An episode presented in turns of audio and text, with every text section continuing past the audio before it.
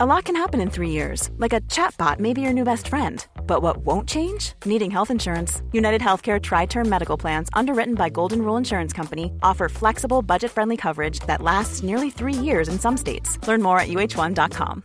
This is Paige, the co-host of Giggly Squad, and I want to tell you about a company that I've been loving, Olive and June. Olive and June gives you everything that you need for a salon quality manicure in one box. And if you break it down, it really comes out to $2 a manicure, which is absolutely insane. It's also so easy to get salon worthy nails at home with Olive and June. The difference between how your nails used to look when you did them yourself and now with the Manny system is a complete game changer. The best thing about Olive and June too is it's a quick dry. Dries in about one minute, lasts for five days, and full coverage in up to one to two coats. Visit oliveandjune.com slash perfectmanny20 for 20% off your first system. That's oliveandjune.com slash perfectmanny20 for 20% off your first system. Da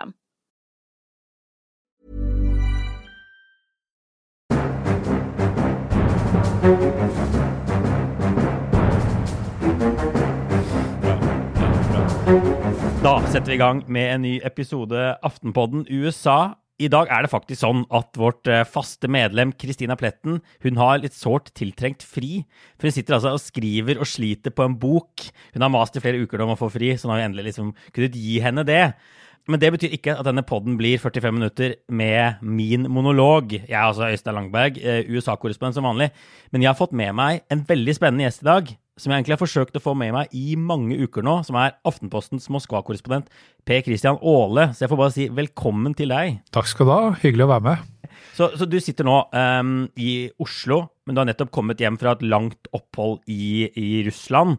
Uh, og det er det, det, vi skal snakke om i dag. Uh, altså egentlig om, om hva som er ståa der borte nå, hvordan Vestens vi får kalle det økonomiske krig funker. Um, vi skal snakke om Putins motivasjon og liksom kreative historieskriving. Hvor vikingene trekkes inn og får gjennomgå. Det er masse spennende. Du har skrevet om dette også, ja. på trykk.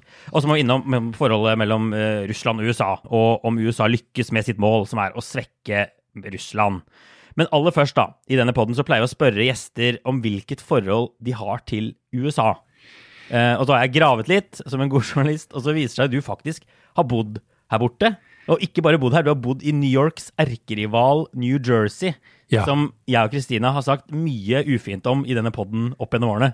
Ja, jeg bodde i uh, South Jersey, i en by som heter Ocean City. Uh, nydelig by. Så Det er en nydelig by, så dette er liksom ikke den, dette er den fine, det finnes en fin bit av New Jersey? Ja, er det du egentlig sier? Ja, fantastiske strender. Uh, og det er de fineste strendene egentlig på østkysten i USA.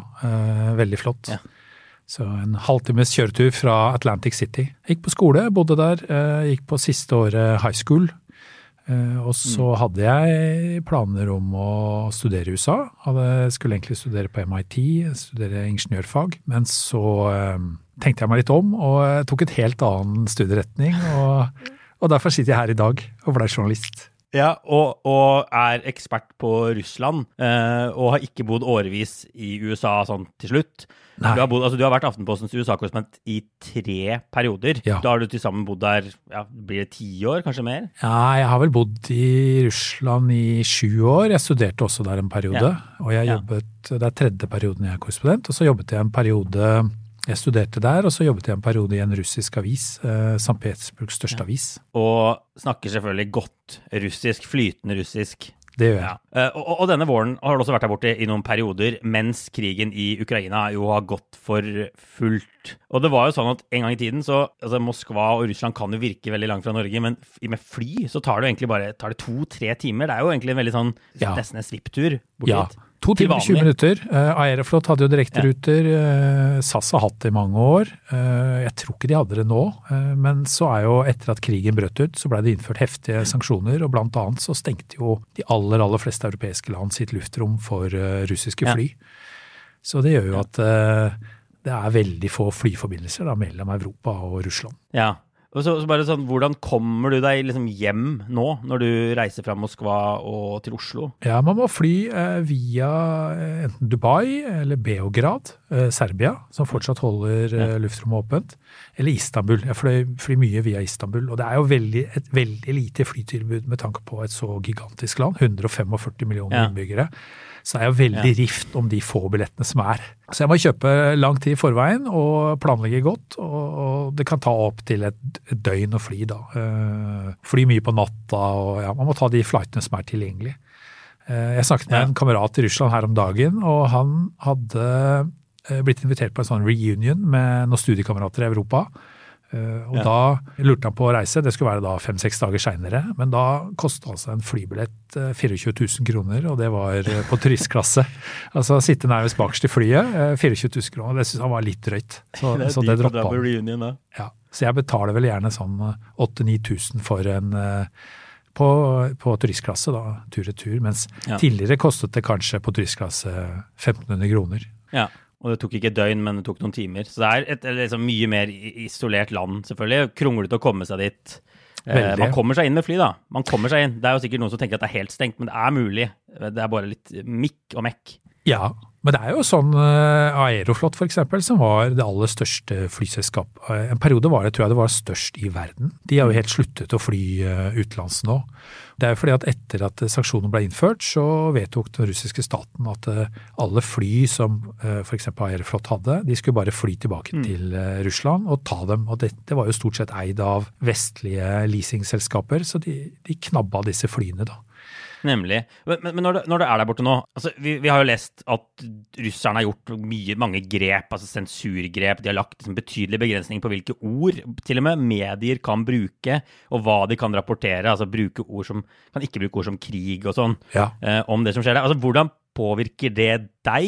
Jeg mener jo også at du skriver krig i ting du skriver fra Russland, og bruker det ordet om det som skjer i Ukraina. Ja, jeg gjør det. Jeg kan jo fortelle litt om bakgrunnen. Altså, det var jo uh, helt i starten av, uh, av krigen så, så gikk det russiske medietilsynet og sendte ut en, en henvisning til alle russiske medier at det var forbudt å bruke ordet krig, og man skulle kun Ja. bruke kalle det en militær spesialoperasjon, og det fortsetter man med. Og så har man innført en lov, øh, vedtok en lov som, øh, som gir inntil 15 års fengsel hvis man formidler såkalt falsk informasjon om de russiske bevæpnede styrkene, og det har også blitt utviklet, eller utvidet til å gjelde alle russiske institusjoner i utlandet. Og i praksis vil det si all informasjon som går på tvers av det myndighetene sier. F.eks. i russisk skoleverk nå så har de jo masse undervisning om å motvirke falske nyheter, og, og det lærer jo studentene at, og elevene at det er all informasjon som ikke står på hjemmesiden til, til mm. russiske myndigheter. Så, eh, Ja. så det er jo krevende, og det, de, gjør, de gir ikke noe skille egentlig mellom russiske medier eller utenlandske medier, og de fleste kollegene mine har jo forlatt uh, Russland. For eksempel New York Times var jo i Russland under den russiske revolusjonen i 1917, eh, borgerkrigen etterpå, under andre verdenskrig, mens eh, nå har de trukket ut sine korrespondenter. Da. Det er ingen amerikanske journalister igjen, eh, ikke, eh, nesten ingen britiske, ingen tyske osv. Nei, men 15 års fengsel, jeg høres altså det, Hvorfor er, er vi der? Det er kanskje ikke din, bare din beslutning, men, men Nei, altså, hva, jeg- hva er det som gjør at vi tenker at det er trygt? Ja, altså jeg, eh, Min vurdering er at det er trygt eh, så lenge vi skriver på norsk, og Aftenposten publiserer kun på norsk. altså eh, Russiske myndigheter er etter min vurdering mest opptatt av å stoppe kritiske røster internt i Russland. Ja. Og det, ser man jo også på at for eksempel så er det jo eh, fortsatt mulig å lese. De blokkerer jo veldig mye. De har jo fått en, en veldig sånn omfattende internettsessur. Men fortsatt er det mulig å åpne Aftenposten, New York Times, internasjonale aviser. Men de som publiserer på russisk, de blir blokkert veldig raskt. Og de blokkerer jo Facebook, og de blokkerer Twitter osv. Og, Eh, uavhengige russiske medier da, som publiserer fra utlandet. Så hvis jeg hadde begynt å oversette til russisk og publisere på russisk, f.eks., da kunne det blitt problemer antageligvis mer, da, og de hadde begynt å spre seg i russiske sosiale medier og sånn. Ja, veldig fort. Og da, da, da Ja. hadde Aftenposten blitt sett på som en aktør som prøver å påvirke Ja. russisk opinion, og, det, og da ville de sett helt annerledes på det. Og da ville det blitt en, en risiko med en gang. Ja. Altså, jeg og Kristine har jo ofte snakket om, eller, og, særlig jeg har vært opptatt av, altså, hvordan det er å være journalist i USA. Og jeg må si bare sånn, av alle landene jeg har vært journalist i, både du og jeg har vært europakorrespondent f.eks., det er ganske stor forskjell på når man går opp til folk på gata og ber de utlevere livshistorien sin, sånn som vi jo av og til gjør, eh, om de stiller opp. Her borte så virker det som alle, nesten alle stiller nesten alltid opp. Jeg kommer ofte hjem på reportasjeturer, føler at jeg har hatt flaks. For Ja. jeg har fått tak i så fantastiske historier Ja. uten å ha noen plan på forhånd. Det er liksom, så Amerikanerne er bare sånn Mange er bare født for å stille opp på TV eller være i mediene. Og så lurer jeg på bare, hvordan har Russland vært å jobbe som journalist? Jeg har vært der på noen få reportasjeturer, men du har jo masse erfaring. Sånn før krigen, hvordan har det vært å få russerne i tale og bare stille opp i mediene og sånn? Det er stort sett ganske greit, men det kommer litt an på hvor. Altså, I f.eks. en storby som Moskva så er det både og. Der er det en del som er kritiske, ja. men det er vel litt mer, eh, mer, fordi at folk har det travelt, de reiser hit og dit. Litt ja. typisk storby. Sånn er det litt i New York òg, altså. Ja. Litt, det er lettere på bygda. Veldig. Sånn er det i Russland òg. Altså, når du kommer ut fra, ut fra Moskva og, og, lenger ut i regionene, så er folk utrolig imøtekommende, gjestfrie. Mm. Inviterer deg inn og byr på seg selv. Eh, og, og, fortell, og, og, kommer jo med veldig spennende og gode historier. Og som journalist er jo det, er jo det gull. Men, men sånn før krigen, kunne du spørre dem om politikk òg? Ville de snakket ja. om det? Her er jo det veldig lett å få folk til å snakke om politikk. Ja, veldig. Altså det Folk snakket veldig, veldig åpent. Altså det var jo eh, Russland har ikke vært sånn som det var i Sovjetunionen, at folk var redde for å snakke. Man kunne snakke fritt, man kunne kritisere Putin, og, folk mm. gjorde det. Og det, er jo, det gått i, har jo gått i bølger. Perioder har folk vært sluttet veldig opp om av. Andre perioder har de vært misfornøyde, økonomien har gått dårlig osv. Og, så og da møter jeg masse mm. folk som sier villig vekk akkurat det de mener. Og, og gjerne kritiserer myndighetene. Ja. Mens nå etter krigen så er det et merkbart skifte. altså Veldig vanskelig å få folk i tale. Folk er ja. redde.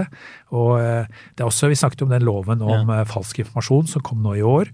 Men i fjor høst så kom det en annen lov uh, som, som, gir inntil tolv års fengsel hvis du deler informasjon med utlendinger om om det russiske forsvaret mm. eller sikkerhetsstyrkene. Og Det gjør at veldig mange da i den situasjonen nå, også etter at myndighetene har slått så kraftig ned på all opposisjon, altså, mm. så er folk redde. Altså. Det er vanskelig å få folk til å stille opp. Også I tillegg er det jo krevende ja. fordi at det er de som stiller opp, så må vi vurdere veldig grundig. Kan vi faktisk sitere dem? Kan vi altså må vi sitere dem anonymt, eller, eller anonymisere ja. dem? For vi kan jo ikke sette folk i fare.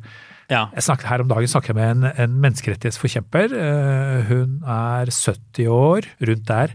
Og jeg intervjuet henne mange ganger opp gjennom eh, årene. Hun er veldig modig, sier alltid, snakker rett fra levra, sier det hun mener. Mens mm. nå tør hun ikke snakke. Altså, hun, og hun uttalte seg selv i sovjettiden, mens nå tør hun ikke snakke. Og, og eh, sier at mm. det er verre nå enn det var i sovjettiden. Altså under Brezjnev f.eks. Så det sier jo litt. Masse forskere har eh, flyktet fra landet. De som uttaler seg til pressen, eh, mange av dem eh, får jo sparken. Jeg leste om senest nå i helgen, så var det en mannlig professor som fikk sparken i Moskva. Og det var etter at en annen kollega mm. anga denne personen. Da. Så, så, det er et ganske kjipt klima. Ja, Så vesentlig kjipere å være journalist der og vanskeligere å få folk til å stille opp. Og de som stiller opp, kan man risikere at de har fått sparken neste uke hvis ikke Aftenposten er forsiktig? Ja, og jeg, har jo, ja, og jeg, vi vurderer veldig grundig hvem vi siterer. Og, og, noen ganger så siterer jeg til og med forskere anonymt, og det har jeg aldri noen gang i min karriere gjort før, altså. Ne. Så det er jo, Men samtidig så tenker jeg at det er en periode det er veldig viktig å følge med på det som skjer i Russland. Og ekstra viktig for et land som Norge, da. Ja, og det er derfor vi fortsatt er på bakken der. Og, og, og bare, jeg, jeg til, Vi må snakke litt også om altså, alt det som har skjedd, alt det Vesten har gjort etter at denne krigen eh, brøt ut. Det er jo sånn at USA, som jo er leder, lederen til viktigste landet i Nato, og led, ledes, lederlandet i Vesten, har vært veldig klare på at de ikke eller de har vært egentlig veldig klare på at de vil gjøre veldig mye for Ukraina. Hjelpe de. De har, de har sett mer og mer avanserte våpen. ikke sant? De har blitt tøffere og tøffere i retorikken. Men Biden har også sagt de vil aldri gjøre noe som kan gjøre at amerikanere og russere møter hverandre på slagmarken, for da har vi tredje verdenskrig. Så, så for å direkte ramme Russland, i Russland på en måte, så har det jo tydd til liksom en form for økonomiske våpen. Man kan ikke kalle det noe annet enn det. Altså ulike former for sanksjoner. Og egentlig i en skala vi aldri før har sett når det gjelder et så stort uh, land som, som Russland. Så, de frosset sentralbankens reserver, de har innført veldig sånn harde finansielle transaksjoner på masse banker. Eh, innført nye sånne forbud mot eksport av diverse produkter, eh, høyteknologisk utstyr, deler, altså reservedeler.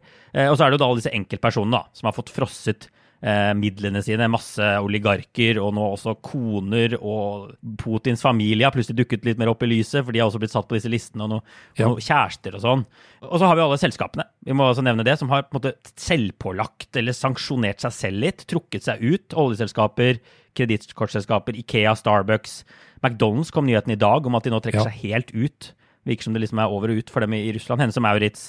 Eh, så jeg bare lurer på, altså Først kan du si noe om hvordan vanlige russere merker dette. Det er jo det måte alle lurer på, og som er en av de store spørsmålene i den krigen her. Om disse sanksjonene funker. De merker det, eh, men man kan si at det bare har vært en forsmak.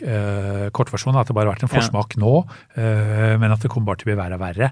Det var jo Med en gang sanksjonene kom, så var jo Russland var jo helt i sjokk, og det inkludert Putin. Det var helt merkbart på de talene han holdt. altså han var, han, Stemmen mm. dirret når han snakka om dette her. Han var rasende.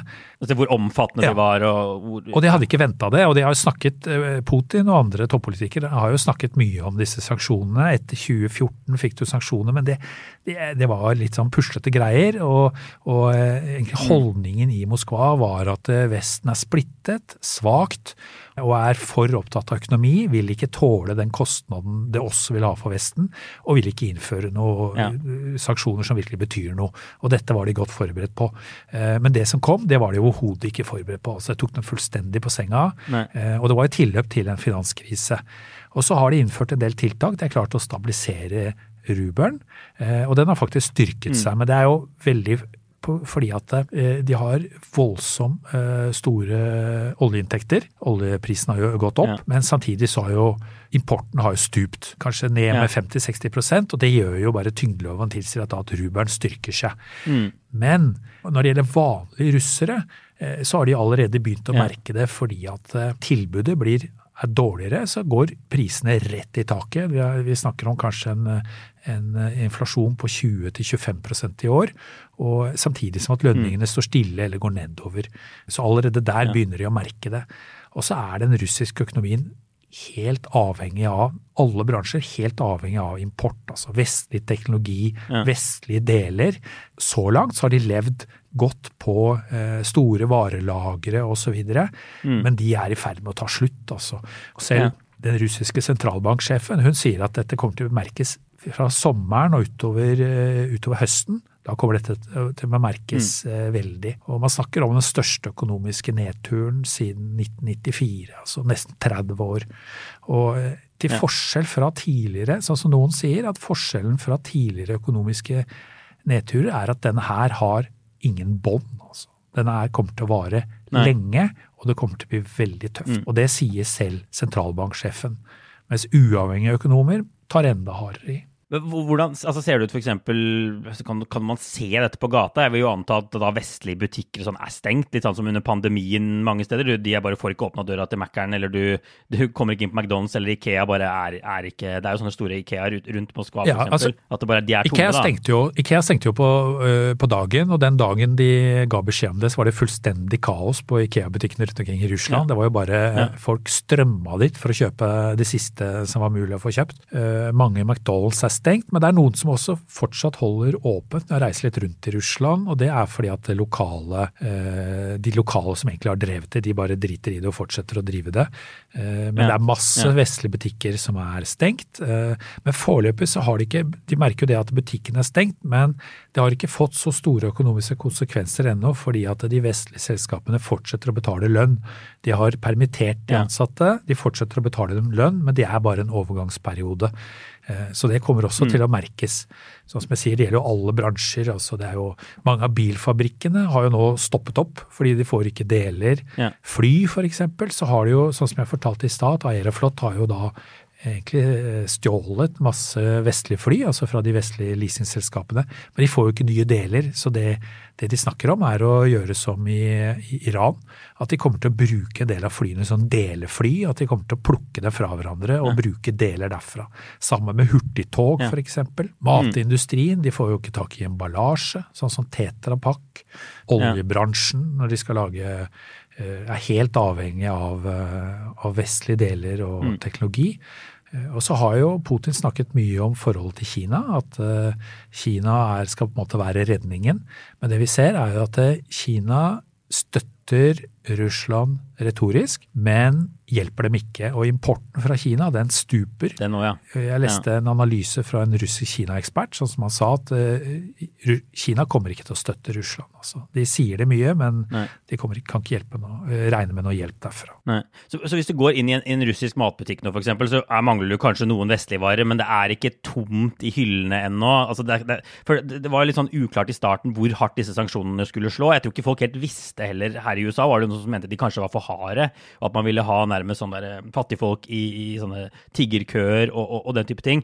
Men det du beskriver er mer et sånn krasj i sakte film her, egentlig. Ja. Enn liksom tomme hyller og full panikk. Det var også litt sånn bankpanikk i starten. Det virker som det har, har roa seg litt ned. Og jeg ser noen har skrevet at kanskje ikke sanksjonene har fungert så godt likevel. At det har nærmest slått litt feil. Har noen spekulert litt i sanksjonsregimet? Altså, hva tenker du nå? To, Nei, jeg tenker jo at eh, Det kommer an på hva man mener, eh, hva man vil oppnå. Altså Hvis ja. man tenkte at dette skulle være et voldsomt sjokk som førte til at eh, du fikk en finanskrise, at ting veltet, folk strømmet ut i gatene og du fikk et regimeskifte, så, eh, ja. så, har det jo ikke lykkes. Men slik jeg har forstått sanksjonene, så er det heller ikke målet. Altså, målet er å strupe, strupe den russiske økonomien og eh, Russlands evne til å finansiere en krig og, og bygge opp igjen mm. eh, militæret og være en trussel i Europa da og kanskje ikke bare mot Ukraina, men også mot andre land. Og slik sett så, så er det jo vellykket. Altså. Og du ser jo også på Nå har de jo begynt å hemmeligholde uh, veldig mye statistikk. De sier jo, Myndighetene sier jo selv at det er for ikke å skape spekulasjoner, mens uavhengige mm. uh, økonomer sier jo at dette er bare for å skjule det der vanvittige krasjet som nå er i ferd med å skje, altså skjer i, i sakte film. Ja. Og du ser jo, Man klarer jo allikevel også å tegne et bilde av hvordan utenrikshandelen utvikler seg. Importen stuper, ergo så får jo ikke mm. Russland alle disse varene og tingene de trenger for å holde hjulene i gang.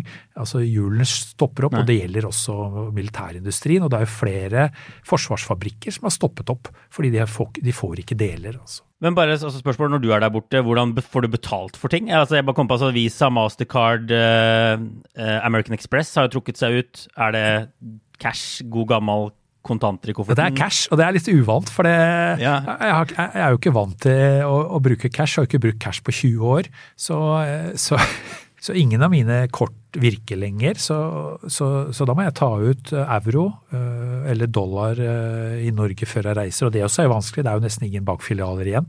Så må du ta med cash, og så, og så, må du veksle, da. Så det er litt uvant. og Noen ganger er i butikken og skal handle et eller annet, og så finner du ut at nei, du har ikke nok penger, og så må du hjem og hente mer euro, og så må du løpe på vekslingsboden ja. og veksle. Og, så det er en egen, egen prosess, da, veldig uvant. Ja. Det er jo, når du veksler, Hvis du veksler i banken, så får du den offisielle vekslingskursen som er ja, si f.eks. at mm. eh, du får 81 rubler for en euro. Eh, så går du til en vekslingsbod, som også for så vidt er offisielt. Der får du kanskje 7 rubler mer.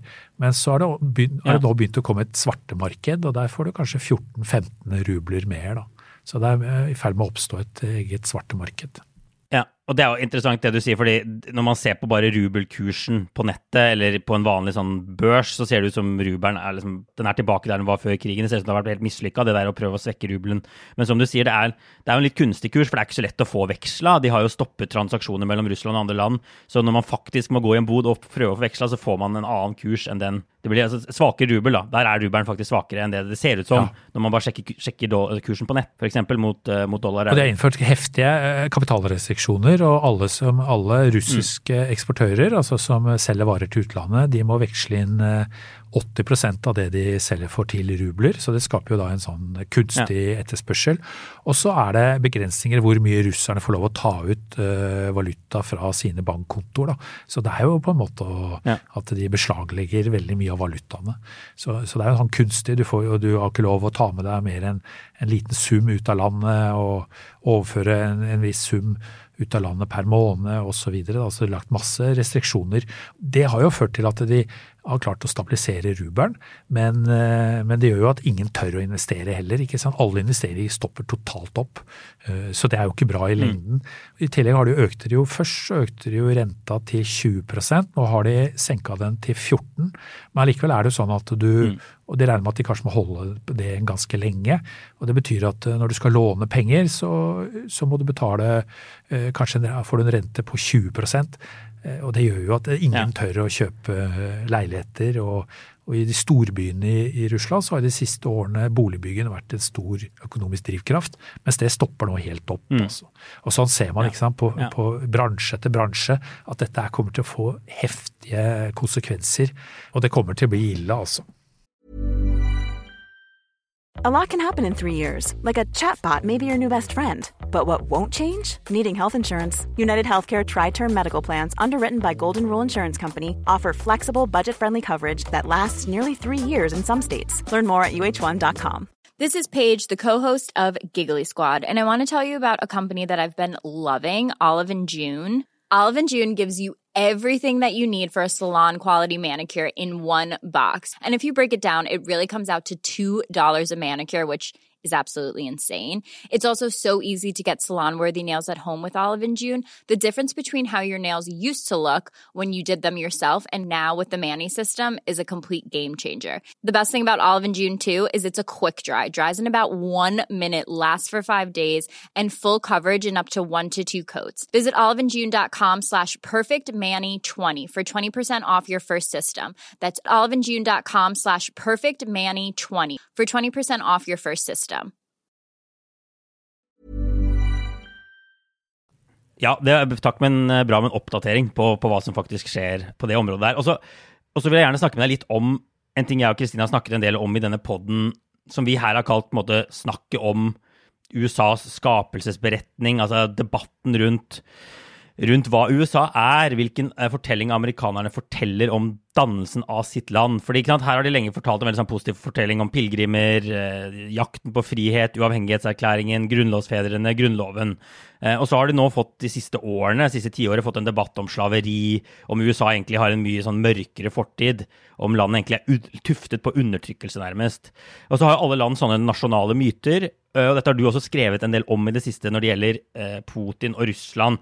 For det som har vært veldig interessant å se, er det siste tiåret, kanskje lenger, er hvordan Vladimir Putin har blitt mer og mer besatt av sånne historiske hendelser, konsepter, tusen år tilbake i tid, som han trekker opp igjen og igjen. Og han har, han har vel også noen sånne russiske filosofer som nærmest har blitt børstet støv av. Noen kaller de høyreekstreme filosofer og sånn. Eh, jeg tror en har blitt gravd opp og liksom gravlagt på et nytt og mer prominent sted og sånn. Og det er også med å forklare hvorfor han har viklet seg inn i denne hengemyren i, eh, i Ukraina. Men kan ikke du bare si litt om altså, hvilken historie er det Putin er så opptatt av å fortelle om Russland? Ja, han har jo egentlig eh, helt siden han tok over, eh, men så i stadig større grad, så har han jo brukt historien, og særlig etter 2012, da han ble gjenvalgt i 2012, så har han, har han, spilt på historien. Og først så har han jo, eller egentlig lenge har han jo spilt på seieren i andre verdenskrig. Og det var jo fordi at etter Sovjets fall så var jo russerne uenige om det meste. Og, og, og særlig ja. historien var veldig, veldig kontroversiell. Eh, du hadde mm. kommunismens forbrytelse, Stalin osv. Men seieren i andre verdenskrig den har alle vært veldig stolte av. 9. mai, seiersdagen, er den største festdagen i Russland. Og, og det har Putin mm. brukt politisk. Altså. Han har brukt det for å, for å, skape støtte til sitt eget regime. Og så har man sett mm. at de siste årene, og kanskje enda større grad under pandemien, så har han blitt mer og mer opptatt av av historien. Og han har jo, Jeg har sagt med flere russiske historikere, og de forteller om hvordan Putin eh, bestiller sånne mapper fra lukkede arkiver, historiske, gamle historiske arkiver, og sitter og gransker og, og, og undersøker dette her. da. Han sa jo For noen år siden så sa han at Sovjets fall det var den største geopolitiske katastrofen mm. som vi noen gang har opplevd eh, her i Russland. Ja. Og Mange tolket jo det som at han ønsket eh, seg tilbake til Sovjetunionen, og det gjør han jo ikke. Men det han var opptatt av, det var, det var ikke Sovjetunionen som falt, men det var jo en mye større enn det. Det var det russiske imperiet, altså, som hadde en mye lengre ja lengre tradisjon, og da er det et rike som har over 1000 år gamle røtter. Og det går tilbake ja. til til det man kaller Kivskaja Ros, eller Ros, mm. som var da det gamle riket som hadde startet i, i det som er i dag Kiev. Da. Og, og, dette riket det har jo da vært utgangspunktet for Russland, eh, Hviterussland og Ukraina. Og Putin ser for seg da et, et rike, eller da et, eh, en enhet da mellom det han mener er russere, hviterussere og lillerussere. Og lillerussere er jo da ukrainere. Og Derfor mener han at det er så, at det er så viktig, da, for han er det helt essensielt i dette prosjektet å få kontroll over, over Ukraina. Ja. Og der har han jo snakket veldig mye om. altså Han har jo, han har jo knapt snakket om annet i taler, intervjuer. Han skrev en over 5000 ord lang artikkel om det historiske forholdet mellom Russland og Ukraina. Og flere av talene hans er jo blir jo rei- sånn, blir sånne rene eh, historieforelesninger, altså på 40-50 Ja. minutter, 60 minutter og sånn, hvor han foreleser om historie. Og du skrev en veldig interessant sak og hvor du hadde vært på altså, et av disse historiske museene også, det var vel i Moskva, uh, og sett på en sånn utstilling.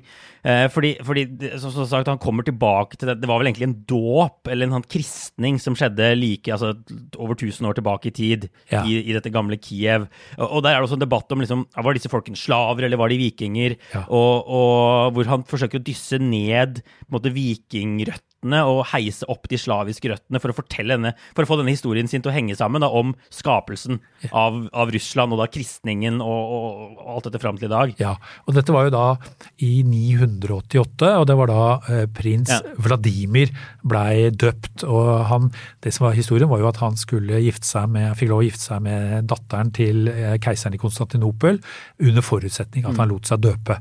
Og det gjorde han. Men altså, han heter jo i Russland, han er kjent som prins Vladimir, i Ukraina Valadymyr. Men eh, han er jo også kjent som Valdemar, eh, og hadde jo eh, tydelige viking, eh, vikingrøtter. da. Mens eh, eh, for Putin og mange så har, da, har det vært viktig da å nedtone denne vikingherkomsten, og heller eh, Ja. fremholde at dette bare er russer, at dette, eller at dette var rent slavisk. da. Ja, Men hva er problemet med Putins historiefremstilling, da? Altså, han forsøker vel altså, han, han forsøker vel ja, å tegne et sånt ja, Det er vel et bilde av at dette skal har hengt sammen i 1000 år. Dette er på en måte det, det naturlige, det gudgitte, dette store russiske riket. Eh, og så går han tilbake til denne datoen, da. 900, var det? 988? 988, ja. Og det regnes jo også da Ja. som eh, måte kristningen av, eh, av eh, disse regionene. Det tok jo flere hundre år før det virkelig ble kristnet, men det er liksom det som er starten Ja. på det også, den russisk-ortodokse kirken, blant annet. Kritikerne mener at Putin driver med litt sånn cherrypicking og forteller en historie som absolutt ikke henger helt sant, på greip. Eh, Ja, altså, eller, han er jo hva er på en måte kritikken? Ja, han er som, det er jo som andre autoritære ledere, at, at han velger og vraker og, og plukker ut det som passer hans historiefortelling. Ja. Mens Kivskaja ja. er jo det er jo en felles historie, vikingene spilte inn, eh, men dette er jo en felles eh, historie for flere folkeslag i regionen, og var, jo- har jo, var i utgangspunktet både for Russland, men også for Hviterussland og, og Ukraina. Eh, Og så fikk jo disse ulike historiske utviklinger, da. Mens mens han plukker og velger ut ut ifra sitt eh, Sånn som han vil fortelle sin historie, og sånn som han tror på, og, og bruker dette politisk, da. Og nå er det jo eh, mens han tidligere har brukt det politisk for å få støtte for sitt regime, så er det nå blitt ganske ekstremt, for han da går til angrep på et annet land, altså en invasjon. Og det har jo vært lenge debatt om hva som egentlig driver Putin. Altså om han er bare en ren kleptokrat som vil berike seg selv og sin egen familie, eller om han har noen større mål, om han har noen ideologi. Og sånn som du sier når han bestiller disse mappene, så virker det som dette er noe han faktisk tror på. Denne ideen om et større Russland, og at disse landene hører sammen på en eller annen måte. At det ikke på en måte bare er retorikk. At Ja. det er noe han Ja, jeg tenker, ja, ja altså, og han har sagt det så han, han har sagt det så mange ganger og så konsekvent og over flere år. Jeg vil ikke si at han har vært så besatt av historien som han har vært nå. Eh, Det er egentlig først de siste årene, og det har blitt mer og mer. Og når det gjelder Ukraina, så har han jo prøvd å få kontroll over Ukraina i 20 år, men mislykkes gang etter gang. Han er helt åpenbart veldig opptatt av at Ukraina er, eh, er viktig, og at Ukraina og Russland må stå tett sammen. Og det sa han allerede for, for eh, 15-20 år siden. Så det har han vært opptatt av hele tiden. Og også når han møter historikere, så er han, eh, han, eh, pleier han å spørre dem eh, hva kommer til å stå om meg i, i historiebøkene i framtida. Det er han veldig opptatt av. Han, han er jo eh, eh, rundt 70 år, han begynner å bli gammel. Ja. eh, Og det har nok vært en motivasjon at han har sett på at eh, han ønsker ikke å være den russiske lederen som tapte Ukraina, da, og at dette Nei. har vært en motivasjon for å gå inn i, eh, gå inn i nabolandet. Ja. Så i dag tenker du at Putins mål er litt sånn ettermælebygging, legacy-bygging, som, altså, som, som, de, kaller det her? Altså, hva tenker du er drivkraften når du ser han nå? Det er et godt spørsmål. Det er vanskelig, Vi vet jo ikke hva han tenker. Altså, er, han omgir seg jo av en liten erkekonservativ krets. I Russland snakker man at det er i bunkersen. Det er veldig få som får Det er jo ikke fysisk i en bunkers, men, men man snakker om det. Eh, det er liksom fra, det er en digresjon, da, men eh, Stalin bygde jo en bunker som han hadde tenkt å være i, i Samara, men var der aldri. Eh, mens Putin på en måte har isolert seg helt da, og ja. slipper bare noen få innpå seg. Vi vet jo ikke hva, hva, de diskuterer, så vi må jo se på hva han sier, hva han gjør, ja. hva han skriver. Og ut ifra det så tyder det på at han ikke har overhodet ikke tenkt å gi seg i Ukraina. Han holdt jo nå en tale 9. mai, på seiersdagen, og da snakker man jo mm. heller om at det er en trussel mot Russland, og at her står man overfor USA og Vesten, og at eh, han mm. forberedte russeren på at det vil bli flere tap. Da. Samme dag skrev han også under et dekret som skal gi mer hjelp da, til familier som mister sine nærmeste. Eh, mm. Og sånn som jeg tolker ut ifra det han sier og gjør, så er det, er det, fremstår det som egentlig to mål. Da. Det ene er jo da at han ønsker å få kontroll på en eller annen måte over over Ukraina. Altså det at det skal være en tett forbindelse mellom Ukraina, Hviterussland og Russland, sånn som jeg snakket om. Mm. Og én ting er jo målet, annen ting er jo i hvilken grad de, de evner å gjøre det og, det. og, det, fremstår ikke som at generalene klarer å, å, å, gjøre det han ønsker. Det andre er at Nei. Ukraina er et mål i seg selv, men han ser også på det som et middel. Altså, og det er et middel for å presse og skvise ut USA. Han ønsker seg da en ny sikkerhetsordning, eh, sikkerhetsstruktur i Europa, der eh, ja. USA og Nato trekker seg ut av Øst-Europa, og at Russland blir en mye mer dominerende aktør. Da. Ja, nemlig. Og det leder oss egentlig inn på, på det, det, siste temaet jeg ville snakke litt om i dag, som jo er dette er en USA-pod også, om, om, Russland og USA. og det, altså Forholdet mellom disse to landene er jo mildt sagt brokete. Vi hadde jo sovjettiden, der var det jo bitre fiender. Og så var det jo tettere forhold på 90-tallet etter at Sovjetunionen falt. Det var jo en del amerikanske økonomer sånn, som var borte og ga råd til russere om hvordan de skulle gjenoppbygge økonomien sin. Det gikk jo ikke bare bra, for å si det mildt. Og USA sto igjen som en, en ubestridt supermakt på 90-tallet, ja. etter at Sovjet hadde kollapsa. Og så kom jo Vladimir Putin til makten, og det var litt noe dårlig dårligere forhold. Det var litt sånn opp og ned. Han gikk jo til krig i Tsjetsjenia, gikk inn i Georgia i 2008. Og så kom Barack Obama til makten og ville fokusere på Asia. Eh, og egentlig ville på en måte lage ha et slags vennskap eller mer sånn nøytralt forhold til Russland. Han sendte jo over Hillary Clinton med en sånn rød Resett-knapp som de skulle trykke på, sammen med utenriksminister Lavrov, som jo har vært utenriksminister i en manns alder nå. Ja. Eh, og, og, det funka jo heller ikke så, så, bra, ikke sant. Så annekterte Rus eh, Putin Krim i 2014. Så hacket jo demokratene i 2016, før valget da, og drev en stor påvirkningsaksjon inn i amerikansk politikk. Og så har du da den fulle krigen i Ukraina Ukraina nå. Vi kan jo snakke, altså, går det først si noe om Hva er det russere flest tenker om USA, og hva slags forhold de har til USA? Det er et godt spørsmål. Eh, de siste årene så har det egentlig skjedd en gradvis forbedring, altså før krigen. Og når vi ser på meningsmålingene, så har russernes forhold til USA og til Vesten de har bare blitt bedre og bedre. Egentlig litt liksom paradoksalt. Du har sett Putin og regimet som har brukt har malt fanden på veggen og snakker om uh, USA som fienden og, og uh, sånn. Mm. Mens uh, i folket så har innstillingen blitt, eller synet på USA og Vesten bare blitt bedre og bedre.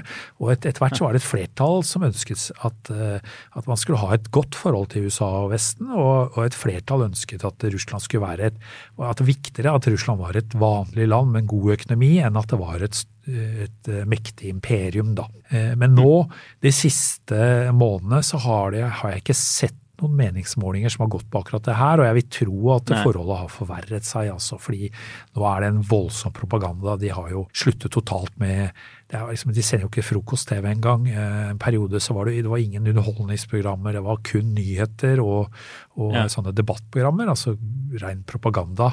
Og der er det jo Vesten som fremstilles som som fienden. I starten så snakka man jo om, veldig mye om at dette var en militæroperasjon for å stoppe et folkemord begått av ukrainske nazister med støtte fra USA. Ja. Mens nå snakker man mye mer om at dette er en eksistensiell trussel mot Russland, og at det er USA og Vesten som er fienden. da. Så det, det påvirker nok folk, vil jeg, vil jeg, tro. Ja, man skulle jo tro det. Jeg har også bodd et år, jeg bodde et år, var på student i Russland eh, i 2010. Og da var jeg jeg vet ikke om jeg var overrasket, men er, da var det en veldig sånn, alle de russerne jeg møtte, og det var mye i Moskva, men også utenfor, de var veldig sånn interessert i Vesten nå. Jeg var med en del amerikanere der på sånn russisk kurs, eh, og de kom altså, vi, jeg, Som nordmann er jo én ting, de var veldig opptatt av vikingene, fjorder, norsk natur og sånn. Ja. Aldri opplevd noe sånn fiendtlig i det hele tatt eh, fra russere overfor nordmenn. Men heller ikke for Vesten, egentlig. Det var mer en sånn hva kalles det, nysgjerrighet ja. Uh, også for, for, amerikanerne og sånn. Jeg vet ikke om det er annerledes nå, eller om du vil møte folk på gata som, når de vet at Norge er med på disse sanksjonene, og, og, eller om det der har noe å si i det hele tatt. Jeg møter ingen fiendtlighet. Altså, jeg har også alltid opplevd det samme, og jeg tror kanskje det aller mest positive landet er å komme fra Norge. altså det er Russere har et utrolig Ja, de er veldig opptatt av norske idrettsutøvere. Opp gjennom årene så husker jeg det kom, alltid kom uh, russere til kontoret og spurte om de kunne få avis, uh, aviser, for de ville ha avisutklipp med norske eh, ski, mm. skiutøvere og osv. Alltid, alltid vært ja. positivt å, å, komme og si at man er fra Norge. Og Sånn opplever jeg det fortsatt, altså, at de er veldig positivt innstilt. Det er, kun, det er mer det at når jeg spør dem om krigen og det som skjer i Ukraina osv., så, videre, så, så blir de redde. Altså, de er, jeg opplever at folk er veldig positive, men at de er, de er, mer redde for å snakke om dette. Og det, jo, det går jo mer på eh, sånn situasjonen er blitt i Russland. Altså. Altså, du nevnte medielandskapet i, i Russland nå, som er totalt dominert av denne krigen, er i hvert fall i veldig veldig stor grad. Og så regner jeg med at de på en måte ikke fremstiller Joe Biden og hans pres, altså presidentskap i noe særlig godt lys, men det er jo nyanser i medielandskapet her i USA. Og jeg og Kristina har tidligere hatt noen podder om hvordan ytre høyre i USA har reagert før krigen, og det har vært eh, direkte sånn prorussiske uttalelser. Eh, og vi har jo en sånn fyr som Tucker Carlson på Fox, som jo har en stor, stor følgerskare som eh, altså Mange vil kalle han prorussisk. Um, han sier i hvert fall en god del ting, og sa det særlig i opptakten til krigen. Han spurte hvorfor skal jeg hate Putin, han har aldri gjort en mus fortred her, på en måte. Um, altså, Kommer det frem på russisk TV, de nyansene der? Trump var jo også kanskje en mer populær mann enn Biden er nå. Ja, det kommer veldig mye fram. Og det er uh, Tucker Carlson blir sitert, og de viser klipp, uh, klipp med Tucker Carlson jevnlig. Altså Hver gang han kommer med noe som tolkes i Moskva som eh, positivt for dem, eller prorussisk, så, så, mm. så, så, tar de fram det. Ellers er, når det gjelder dekningen av En ting er jo krigen, men de har jo også dekning av ting som skjer i Vesten. Så er de veldig opptatt av alt som er negativt, altså alt som ja. går dårlig. Men det er litt sånn at det kan være Hvordan skulle du si det? De tar eh, Det er ikke alltid at det nødvendigvis er feil, men de blåser det ut av proporsjoner. Det kan være en bitte liten ja. demonstrasjon, og så filmer de helt nærme, og, du ser liksom, og det ser ut som at det er Og så er det kanskje bare en liten folkemengde, eh, men, ja. så, men, så, fremstilles det som at dette er eh, opprør, og, og, budskapet er egentlig at det går skikkelig dårlig i Vesten, og alt som er, mm. alt som er ille, eh, blåses opp noe voldsomt. da. Altså, bare sånn For å avslutte. altså jeg tror du har vært inne på det Mange har vært overrasket, også amerikanerne, helt åpenbart over hvor godt Ukraina har forsvart seg. Har tatt, måte, USA har gjort mye med etterretning som har vært interessant her. De så krigen komme, de advarte, og de fikk omtrent rett på datoen. Eh, altså hvordan invasjonen ville skje og sånn. Eh, men det som sagt ingen så helt hvor mye de ville holde ut, og det er jo det som har gjort at de nå må sende mer avanserte våpen og sånn. Og de har jo økt ambisjonene Nato og særlig USA. Eh, og så vakte litt oppsikt for en del uker siden da Lloyd Austin, som er forsvarsminister her borte, sa at USAs mål var et svekket Russland, som ikke kan gjøre den typen ting de har gjort i Ukraina i fremtiden. De skal ikke kunne plage naboene sine igjen. Det ble sett som, det er ikke alle som er enig i en hvor kloke de uttalelsene var fra USA, og om de i så fall mener det, så burde de ikke si det høyt, for det vil brukes og har blitt brukt på russisk TV. Men vi ser jo ikke sant, at talentet rømmer Russland, de tar store tap på slagmarken, økonomien er svekket kraftig, som vi sier. Altså, er det det USA håper på som er i ferd med å skje? Ser vi et varig svekket Russland her, som vil bruke mange år på å komme seg tilbake til der de var? Det er et godt spørsmål, altså, men den, er, eh, den, den, økonomiske krisen som bare kommer til å bli verre og verre, den, den kommer til å bli dyp. Og, og det er ikke jeg ser virkelig ikke hvordan eh, Russland skal klare å komme ut av det. Det hjelper jo selvfølgelig at de har gigantiske oljeinntekter, mm. men også det vil altså gradvis svekket både fordi at de ikke får teknologi, eh, og etter hvert så skrur, eh, skrur jo Vesten til sanksjonene mer. De prøver å gradvis gjøre seg mindre avhengig av, av olje, gass osv. Og, og, og ikke får de mye hjelp fra, fra Kina. og sånn som Kineserne de sitter litt på gjerdet, og så kjøper de, og så venter de litt eh, til russerne er desperate, og så kjøper de olje og gass billig. Men det er ikke så lett ja. å, å snu det eh, eksporten andre veien heller. altså Det koster enormt og vil ta, ta mange år å, å, bygge opp. da.